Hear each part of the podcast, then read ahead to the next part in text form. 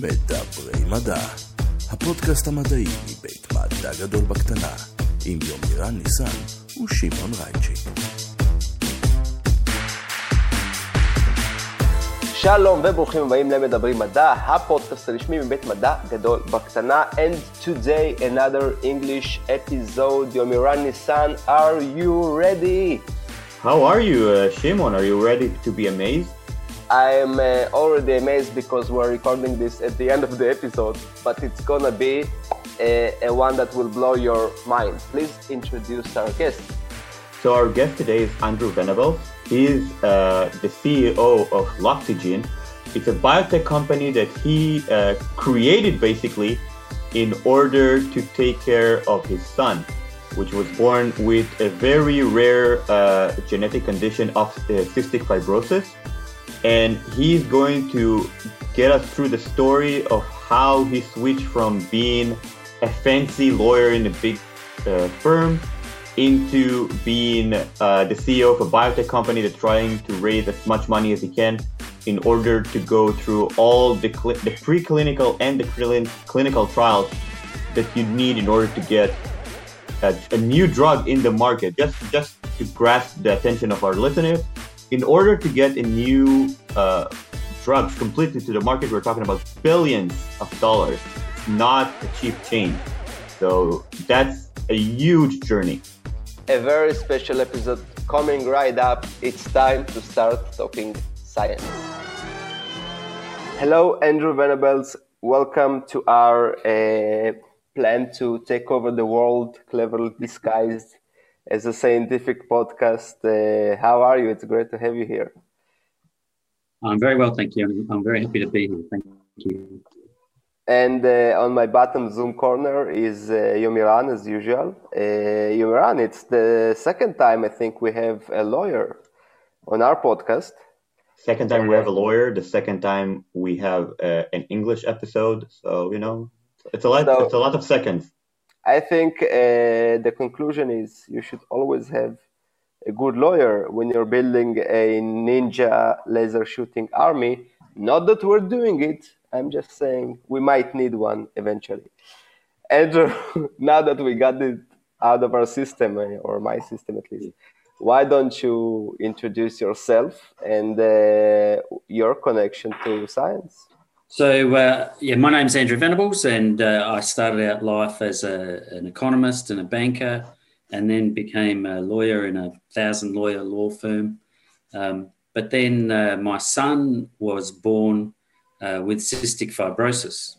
Uh, cystic fibrosis is a genetic disease, and it's it's a little bit interesting, I guess, that um, uh, it's a recessive genetic disease. So that means at least uh, both of your parents should be uh, carriers of the gene.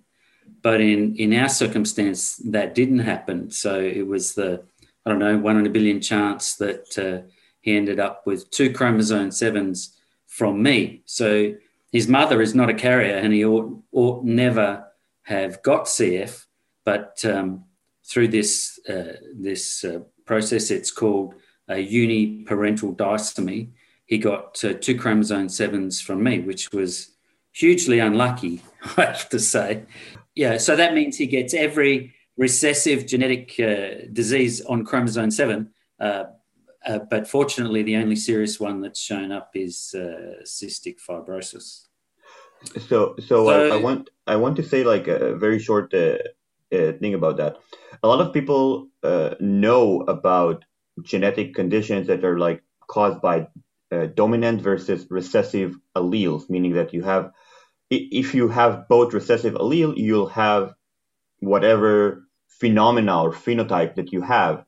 Um, most people, uh, we have a lot of carriers of cystic fibrosis, but they'll never know about this because they have the dominant allele, so everything is fine with them.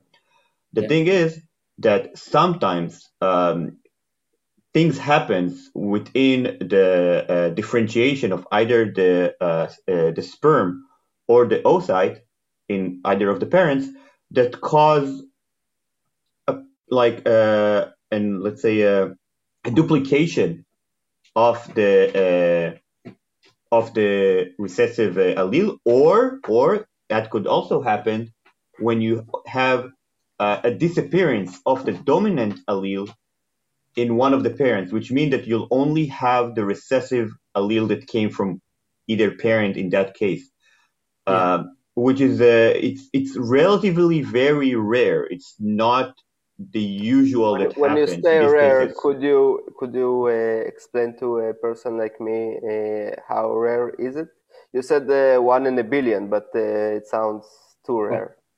I, I, don't I don't think it's known, but um, I can assure you, and, and, the way it was explained to me in lay layperson's terms was that um, uh, there's basically uh, they at the first cell division there's three chromosome sevens, and that can, isn't a situation that can persist. So, as you said, uh, the, the dominant one disappears and you're left with a double recessive from one parent. So, he's not a clone of seven for me, but he's something like that. Um, uh, and how common is it? No one in the CF community has ever heard of it. We did some research on it, uh, and the genetic uh, group at um, um, uh, Murdoch here in uh, Melbourne crawled all over us because it was so rare that they thought it was very interesting. But I can't give you a number. Okay, not not giving a number is uh, significant enough uh, by itself, uh, I would say. So you're in this uh, very tough situation um, and very rare, very I guess confusing, but you decide to do something about it. Yes, I decided to drink lots of red wine. No, uh, the um, yeah. So I, I was looking.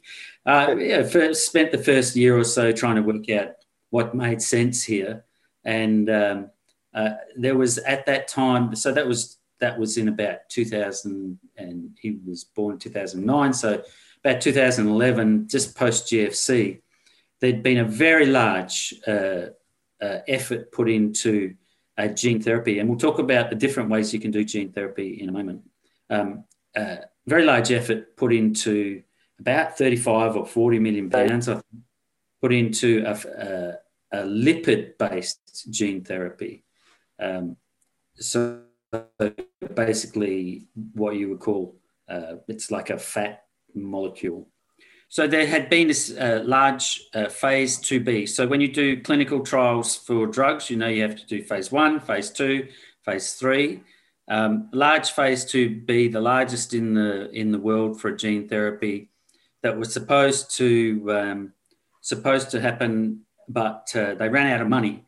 So I uh, packed up and moved from Australia to London to work with this uh, gene therapy consortium to raise money to do this phase 2B and that was the beginning of my journey with uh, gene therapy, which has gone a lot further since. That phase 2B trial actually happened, and it was good enough to stabilize patients so they stopped getting sicker. Uh, I'll, I'll, that's a good segue into what we're about to talk about, but it wasn't really quite good enough to become a drug. So, the, the consequence of having cystic fibrosis is that the mucus in the body becomes very thick and sticky. And that is because uh, it's genetic disease. The gene codes a protein, and the protein is a chloride ion channel. Chlor- chloride ions move in solution. So, if there's no balancing of uh, chloride ions between the inside and the outside of cells throughout your body, then uh, there's uh, the mucus becomes dehydrated because there's just not that that flow of liquid. And the consequence of that, the, the key cause of morbidity is uh, lung disease because the lung is a very sophisticated system, has lots of little hairs that beat uh, to a rhythm in, in your lungs. They beat to a rhythm in nicely hydrated um, mucus but in a CF lung, because the mucus is di- dehydrated and thick and sticky, it doesn't uh, it doesn't move the impurities that we breathe in every day out of the lung. So this becomes an ideal breeding ground for uh, for um, bacterial infection, and there's repeated infection and lung scarring, and you basically lose a couple of percent of lung function every year. So the average age at death now is about in the late 20s, early 30s.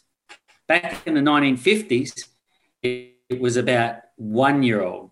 So we've come a long way, but uh, we've picked all the picked all the low hanging very fruit. very far from Um, where, where where we want to be. Yeah, very far from where we want to be. So, um, so that's that's the consequence. The other cons- there are because it affects your whole body from uh, you know from the top of your head to the to your toes. There are other things that happen as well. So, for instance, my son, who was just in here a minute ago, he needs to take uh, uh, an enzyme, a pill, for every three grams of fat he eats because the mucus in the gut is not uh, is thick and sticky, he can't absorb uh, fat soluble vitamins. Can't absorb fat very well at all. So he um, so that he needs enzymes to help that happen, and the pancreas gets comp- compromised.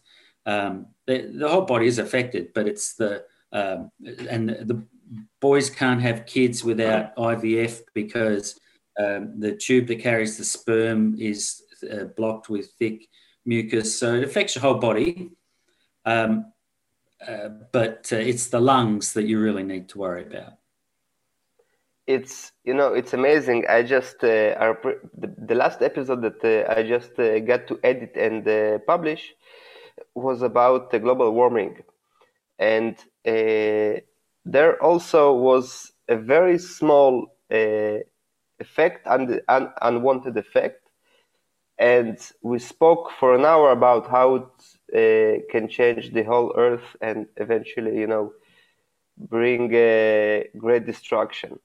So here you're describing a situation where uh, one protein goes wrong, causes an unwanted um phenomena like uh, some substance being more viscous than it should be, and Yeah. it just cascades through all our interdependent systems. Uh, it's amazing how fragile uh, the human body can sometimes uh, be. So now that we got some background, uh, what uh, progress did you make?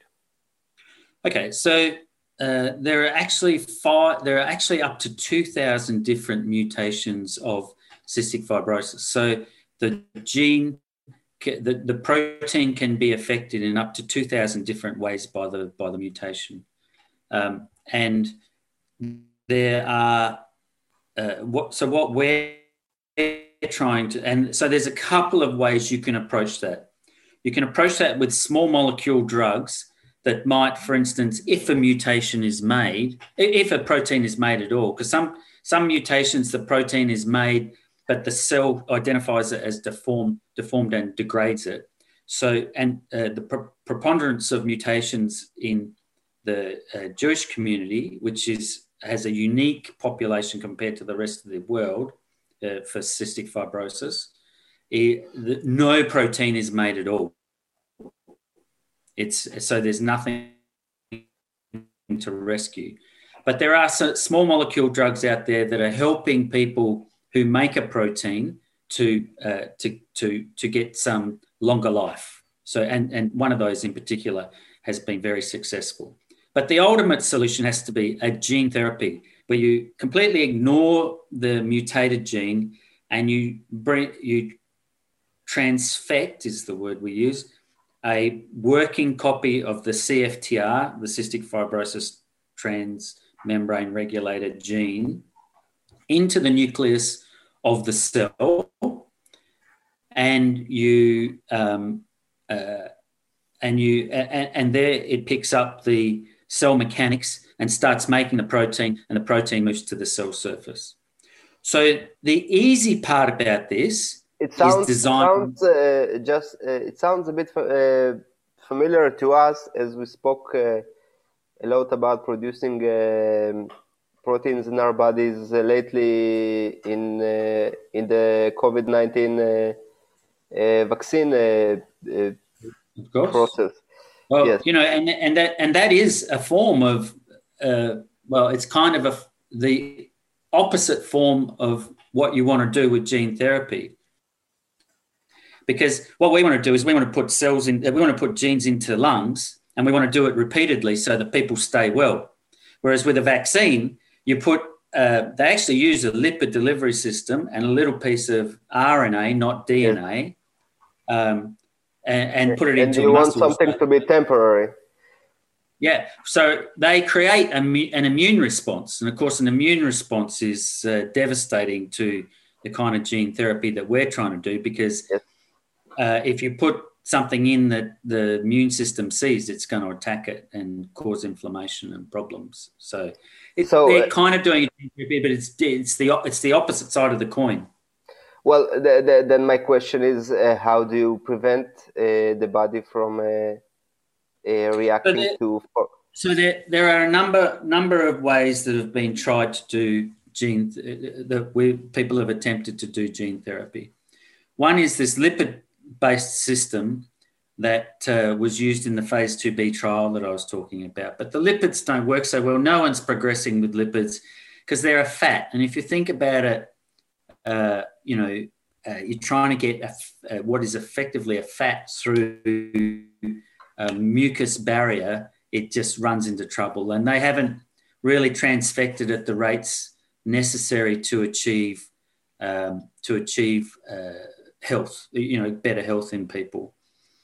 In fact, it's speculated that uh, you only really need to have 15 to 20% CFTR function in your lungs in order to avoid uh, lung disease. So, for instance, I'm uh, I'm a carrier of CF, so I only produce 50% of the CFTR that you produce if you're not a carrier. You probably don't know whether you're a carrier or not. And um, uh, I have no lung disease. And in fact, there are some uh, patients that have a mild form of CF that have only 12 to 15% CFTR function and they don't get lung disease. So we don't need to do that much in order to get a result in the lungs. So lipids haven't worked. The other thing that another thing that people have tried uh, is AAV viruses. And AAV viruses are great because they transfect really well, um, but they have two problems. One, they cause the uh, the the immune system sees them, so you can only ever give them three times, and you've created a vaccine essentially. Uh, and the other problem is that even though they work well on lung cells uh, in vitro, they get stuck in mucus. So lipids haven't worked out too well. Tens and tens of millions of dollars have been wasted on AAV. The other possibility is lentivirus. So we know lentiviruses are um, uh, uh, like HIV or SIV, uh, that's Symbian, that's the monkey version of HIV. Yes. Uh, Yeah, there good was an episode about HIV. Yeah. So they're really good. We, we all know because everybody get people have got HIV that HIV is good for two reasons. One, it flies under your immune system, which is why it's so hard to eradicate. Uh, and two, it's very effective at transfection. The problems with it are one, it's a bloodborne virus, so it's not really effective for the lung. But if you want to make it effective for the lung, you need to pseudotype it with um, some sort of other protein, like a, from a Sendai virus that does have tropism to, to get into lung cells. Um, the problem is when you do that, the whole package gets too big and you can't get it through CF mucus. So let's talk about CF mucus for a minute. CF mucus has been shown to have a pore size of 140 nanometers. That's 140 billionths of a meter, whereas other mucus is 350 to 500. So if you've got a big virus that can actually carry the big CFTR gene, then it's going to struggle to get through the mucus. The other problem with lentiviruses is that they are insertional. So they insert the, the, the payload, the CFTR gene that you're delivering to the cell, they insert it into the chromosome. And two there are two problems with that. One is one is that uh, there was a disease called SIDS. I don't know if you've seen the movie Boy in the Bubble. These are people that have a dysfunctional uh, immune system. Uh, they gave them lentiviruses to fix this problem, this genetic SIDS disease, so that they could then go out and because in the air and live outside their bubbles. Problem is, uh, I think it was about 25% of them got leukemia because when the lentivirus inserted the new gene into the into the uh, chromosome, it turned on a gene next door to where it extern- inserted it. It's called an off-target hit, which what, said, what, "Give me leukemia." Uh, uh, in what years? Uh, I mean, how old the technology you're uh, talking about that is displayed in the movie? I can't remember, but it, that was uh, it must have been 20 years ago they started trying lenties. They're still trying lenties for other things, oh, but yeah, um, I just want to say a quick, problematic. Quick about- there was a trial start, stopped in in the U, uh, US just in the last quarter of last year using a lenti because somebody developed leukemia. I want to just uh, say people say even AAV viruses. Yeah. Uh, like even AAV viruses can be the main problem with the, with the using uh, viruses that enter our genome is that you cannot control where they're going to be inserted in most cases. It's very, very hard, and they're mm. just doing whatever they want. They'll find the best way for them to incorporate themselves into the genome, and they'll just go. Now, if you're talking about an independent uh, HIV, for example, he doesn't care about you. He cared about multiplying himself and uh, uh, okay. killing you after a long time, or you can already like make it go to other uh, uh people. Yeah. Um, that that's its only goal. Now, when you're trying to do gene therapy, when you're inserting a genetic material, genetic component into uh, a DNA, if you're by accident putting it right next to uh, a, a, an important gene, especially like a gatekeeper gene, a, a gene that it's meant to keep the cell cycle integrate, that's a main issue that uh, you're going to face. Well, and and in the context of the lung, uh, HIV or SIV is a blood-borne virus. It's not really effective, and it's too big. And recent, very recent science has shown that it's too big to penetrate CF mucus. So lentis are out, AAV's out, lipids out. This is the greatest minds in the world have tried all these systems and they can't get them to work. So that brings us to what we're doing. And uh, I think what we're doing is quite interesting because we have, we're using uh, essential amino acids that have a positive charge um, uh, that uh, self assemble with the negative charge in the phosphate backbone of plasmid DNA to make a nanoparticle, very small nanoparticle. Um, it, uh, it's, of course, all synthetic, so it's easy to manufacture. Um, we then, it's very common to use to pegylate these things, polyethylene glycol, so as to give them a protective coating to tra- traverse the uh, difficult uh, ground of getting into a CF lung, and um, and so we we, uh, uh, we put this peg on, and then the way that we put the peg on is we use a zinc linker, so it only creates an ion bond rather than like everybody else has tried a covalent bond, and we use that approach so that um, the uh, peg can come off, can spontaneously disassociate, because it's proven that PEG is negative to transfection. So the ultimate goal is transfection. So our uh, histidine lysine uh, peptide formulated with a gene wrapped in a PEG is inhaled into the lung. The nanoparticle is designed to be less than 100 nanometers in diameter. And as I said before, CF mucus uh, uh, has pore size of 140 nanometers.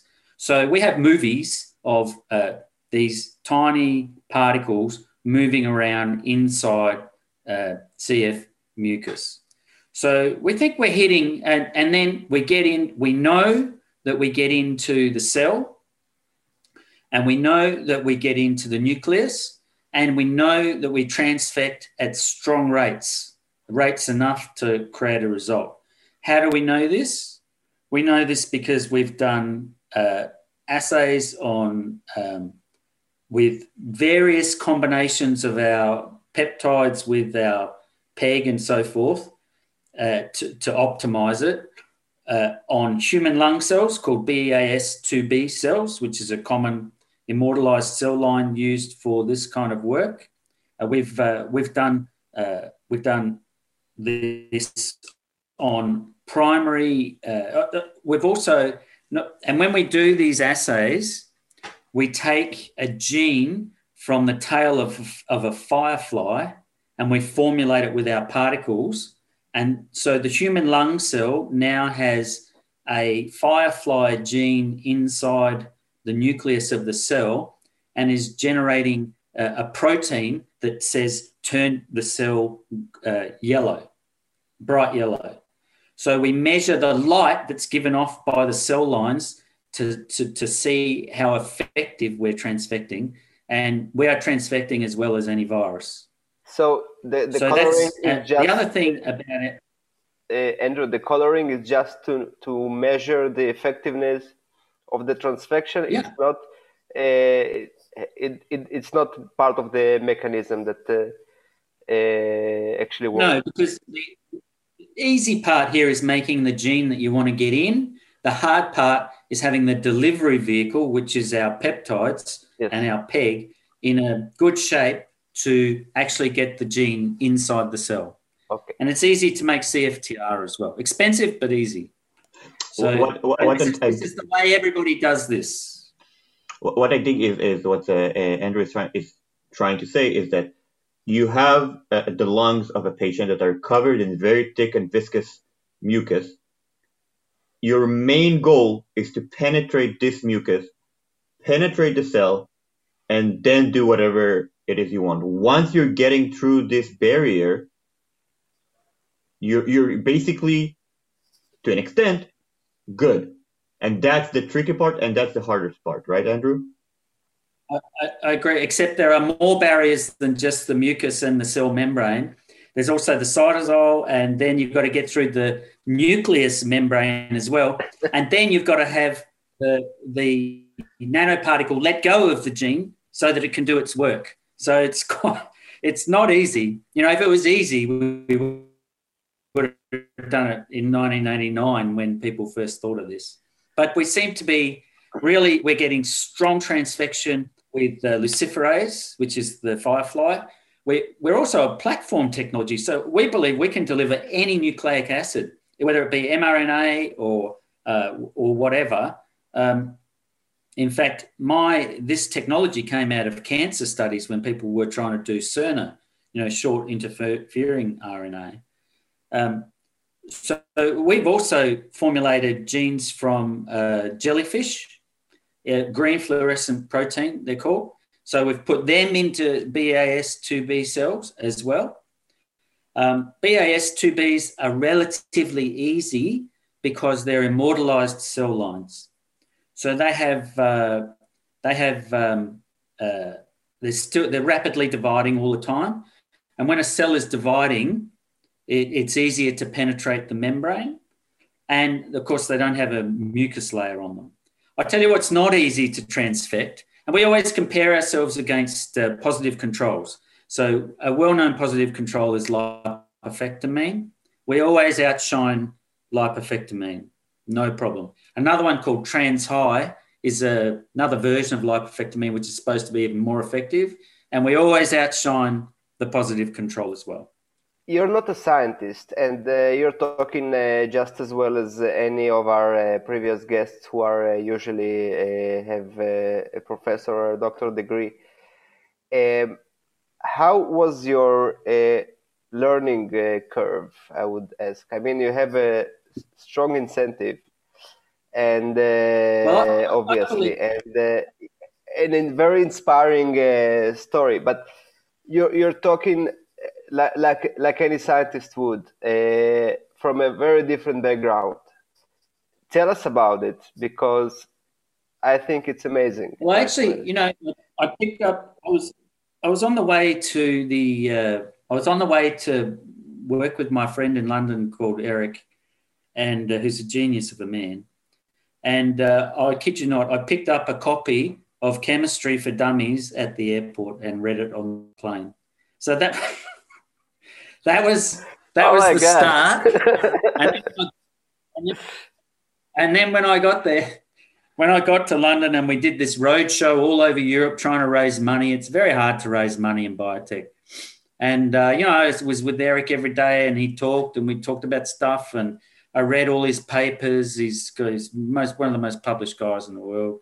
And his group is full of genius scientists that were patient with me and taught me the trade. And then after I moved on from that, uh, uh, you know, it's just a question of I read uh, every article I can get my hand on. There was a article came out.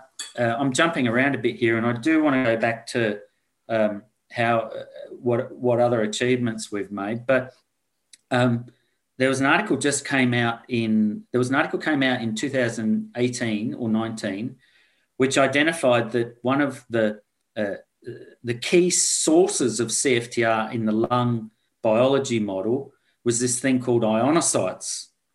And apparently they produce CFTR at a hugely, uh, at a huge rate. But there's, and everybody thought, oh, wow, we need to hit on ionocytes. And this is one of the, the advantages of our product. AAV does what it does, Lenti does what it does, whereas our product can be optimized for particular cell types. So we thought we'd have a go at ionocytes.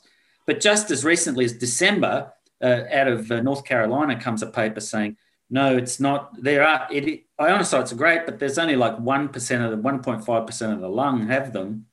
Um, and yeah, uh, you'll have to explain to me what are ionocytes because you know I have a limit of three biological terms per minute.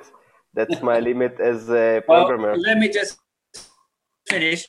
They now say you don't need to worry about ionocytes, so you don't need to bother to learn about those. It's actually the oh. secretory oh. cells, like goblet cells, that are most, most important. So, but what I'm saying is that science to me, not having a science degree is not an excuse not to educate yourself. And, and having a science degree doesn't mean it's just a language. It's like law is a language, right? Law is yes. a language co- co- coupled with an ability to think critically and assess evidence on its face and not according to your biases. And that's all science is. Science is exactly the same, yes, exactly. Very well put. Well, let me continue with what, what we've achieved so far. So, um, the uh, so we know we can do BAS to B cells. What is very difficult to transfect is a cell line grown from the brushings from a C, child, CF child. So this is an, a real primary cell line, non-dividing cell line. So, and we've done repeat dose uh, trials on those where we transfect very strongly in circumstances where the positive control can't transfect at all. That's how difficult these things are to get into, and lipofectamine can't get through the, the cell membrane, and we can. So we can move in mucus, we don't get stuck, we transfect difficult cell lines. We've also transfected Lonza small airway epithelial cell lines, which are the gold standard blah blah blah. We've got tons of that, and most recently we've um, we've uh, taken these cells of a firefly and uh, put them into the lung, uh, dropped them, uh, had in, had a mouse, had had mice, many mice, inhale them, and so that the the luciferase, the the firefly gene, gets into the lung uh, through the mucus of the mouse and into the mouse lung cells and makes the mouse lung cells glow. And then we take a picture with a very special camera and we light these things up like Christmas trees. It's very strong. And uh, we only need to hit 12 to uh, 15 to 20% of the lung, and the whole thing is glowing red, which red is the strongest transfection. So where it's looking, we've got some really strong uh, data across data sets across a whole range of uh, difficult assays, suggesting that what we're doing is working. I, I want to take you a, a like maybe a, a, one or two steps backward. You said uh, you, you gave three technology that were tried out and failed uh, and were very promising, and people spent hundreds of millions of dollars over them, if, if not more. Yeah. Um, yeah. More. How how did you get to this idea? How did you get to talk to scientists about it? How, how did you get to the the the the the product basically that you're trying to to develop? There's a very big there's a very big conference uh, in um, San Francisco every year called uh, the JP Morgan conference. It's not a scientific conference, it's a money conference. So it's the biggest healthcare conference in the world. And I went to I went to JP Morgan aren't, a few times. All, all and I met with conferences are money conferences eventually. Yeah, probably. But um, no, I don't go. I don't go to the scientific conferences because, well, I'm, uh, you know, I'm, I'm sure there are smarter people than me there. But uh, anyway, I was, I was, I find that you know, if you can bring the right combination of money and science together, it's more of, you know, all credence to you know primary science or science with for no reason at all. But I'm trying to solve a particular problem, so I wanted to meet the people. I didn't want to. I didn't want to add to humanity's knowledge knowledge of the science of the world. I just wanted to fix my problem. So I wanted to meet the people, I wanted to go where science meets money. And this is this conference. And I met professors there from, you know, leading universities in the US. I won't say that, who they are. And they say, yeah, yeah, yeah, we can fix this problem for you. You know, we'll use an AAV virus or this and we can fix it. You just give us a couple of million dollars and we'll sort it out. Your son will be cured. No problem. And, know, it was a bit distant. But anyway, I met a guy one day who was a chemist and like, he's a great guy. And we, we talked, we, this was 2015. And I said, you know, Dan, I'm really troubled that there's all these approaches um, and then really hitting the mark. You can see the flaw in all of them. I said, we need something where we can just sit down with the list of the problems and see how this approach is going to address each of these problems. So, non insertional, synthetic, so no immune response, um, uh, non uh, small enough to, to penetrate mucus, uh, all the all the things we've talked about. There's a, there was a list of a dozen things that we needed to achieve, and he said, "Well, I've got some experience with a particular type of particle that they used in Cerner, and it seemed to do uh, have a lot of the properties that you wanted to that you want to achieve in the lung. The problem with it is that if you inject it into the bloodstream, it's useless because it just goes to the liver and the liver captures it and it stops there. So you don't. You the best you could do with some sort of uh, liver transfection, maybe for cancer or for liver cancer or something, but it wasn't. It wasn't good enough. But hey, why don't we have a crack and see if we can? We know we can nebulize it because they nebulized it at this company that he was working for called Intradyne. So why don't we have a crack and see if it works on lung cells?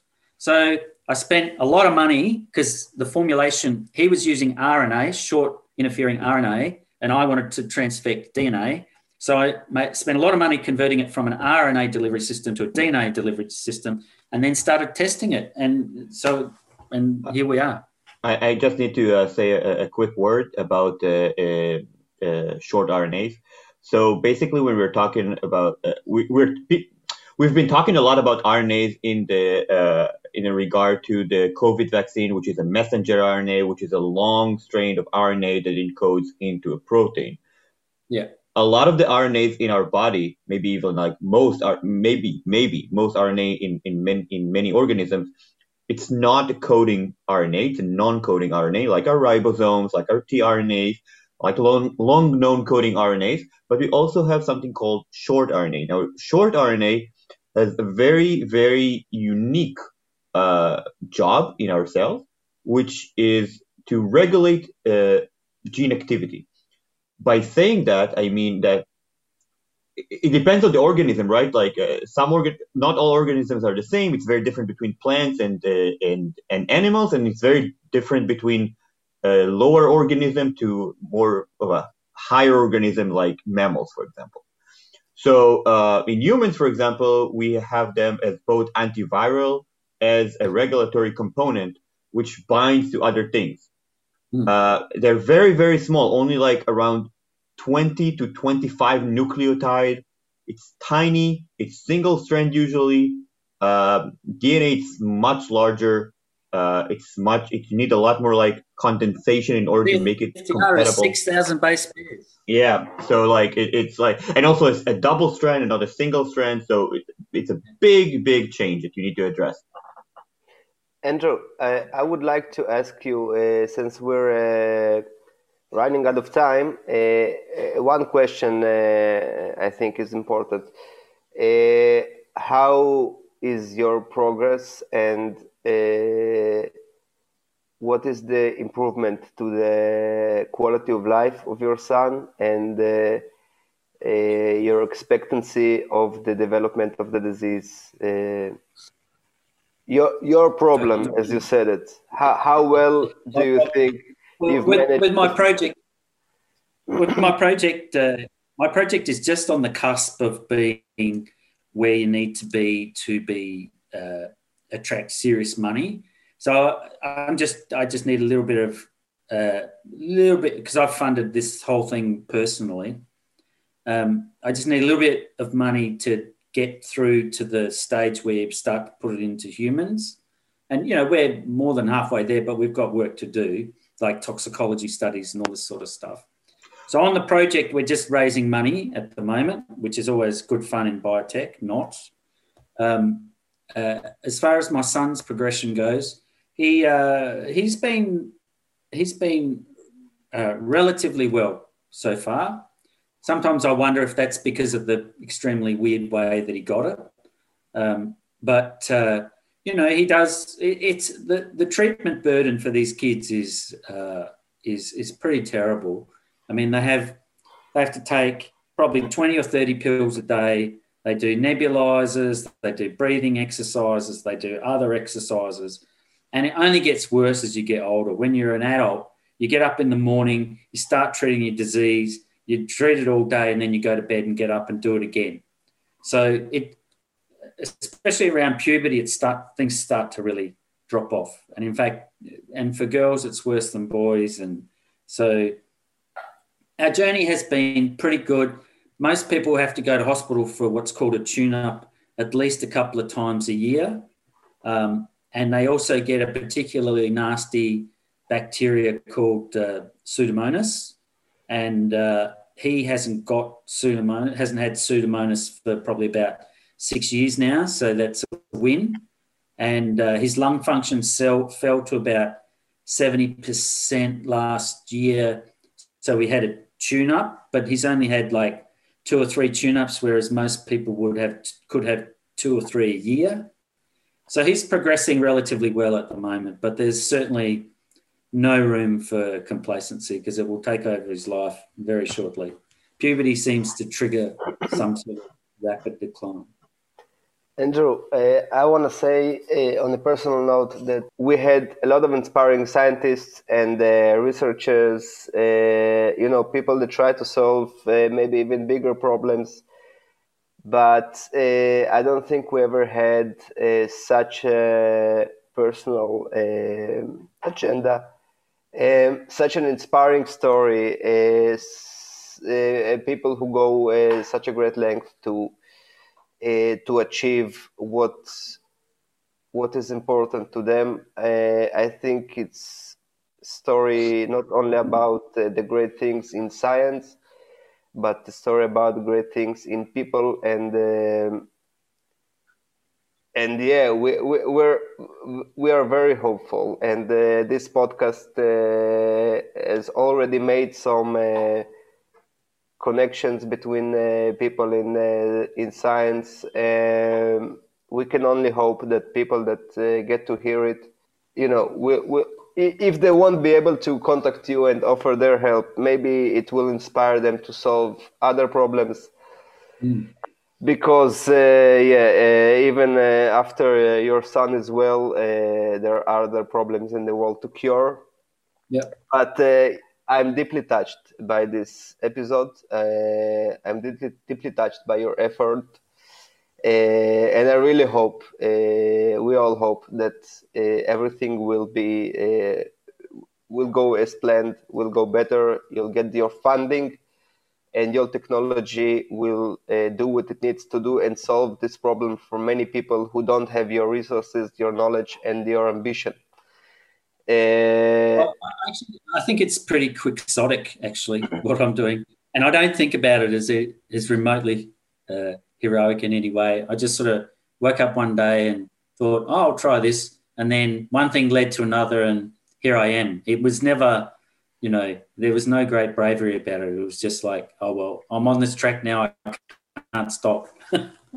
I don't think science is about bravery. Science is about clear thinking. As you said before, uh, a lawyer is uh, and uh, scientist and lawyer usually think uh, in, in similar concepts in, in, in terms of uh, clarity of vision and uh, breaking down a complex problem to its ingredients, uh, pinpointing the issues and uh, addressing them. Um, Well, and also the, the, the ruthlessness of the corporate world, because I think that sometimes scientists get uh, so uh, embedded in their idea that they're not able to cut out what doesn't work. We've had things that have not worked along the way. And you have to say, you have to ac- accept that and not say, well, I'm invested in this for a long time. You have to be ruthless about what you don't do. yes. I, I think very I, well I think said. that I think that a lot of like uh, scientists, you know, I know a lot of scientists that are using the same like same technology, same idea for dozens of publications, and uh, sometimes uh, they're like, uh, this will do this, this will do that, and it's it's a you need a, a bit of a different mentality when you're going into a project that you you have a goal. The goal is not just to discover a new mechanism. The goal here is to treat his son. So once he has that in mind, and everything else goes. Like uh, trying to shoot in all direction, pick the best candidates, go with that. Also, you said that you invested, uh, you self-funded your research, which is incredible because uh, I know how research is expensive, especially a research which, which is doing animal testing and uh, um, and gene therapy and nanoparticles. So it's it's a very expensive research to fund, especially now that you're going through uh, human trials. It's going to be even more complex and more expensive. Yeah, well, I can't. I can't afford. I can't afford the human trials, So we stop here if, uh, if I don't raise money. But you know, I'm already. I'm. I can't say anything about it, but I'm already in a merger discussion with a a, a phase three asset that uh, is uh, you know could one of these SPAC deals in the US that could be uh, many tens of millions. So anyway, I hope we get our money. We'll see what happens. We hope so too. Uh, we, we need we need to wrap this one up because uh, time doesn't care. Th- thank you so much uh, for this incredible episode. Uh, I think uh, this one will stick with me personally for a long time. We would really like to hear from you again in the future uh, to know about uh, the progress, to know about uh, uh, the amount, the measure of success uh, in your uh, human trials. Hopefully, uh, we wish you the best of luck. Um, Thank you. and uh, we hope you, our listeners, uh, for the second time in English on our podcast, uh, got all the your weekly dose of inspiration and of uh, uh, scientific thinking. Yomiran, uh, pleasure as always. Um, no bets this time, but uh, you managed. You managed to hold off your uh, for one hour. We will see you all next time on مدبرين مدى البودكاست and من بيت مدى جدول بحثنا. See you soon.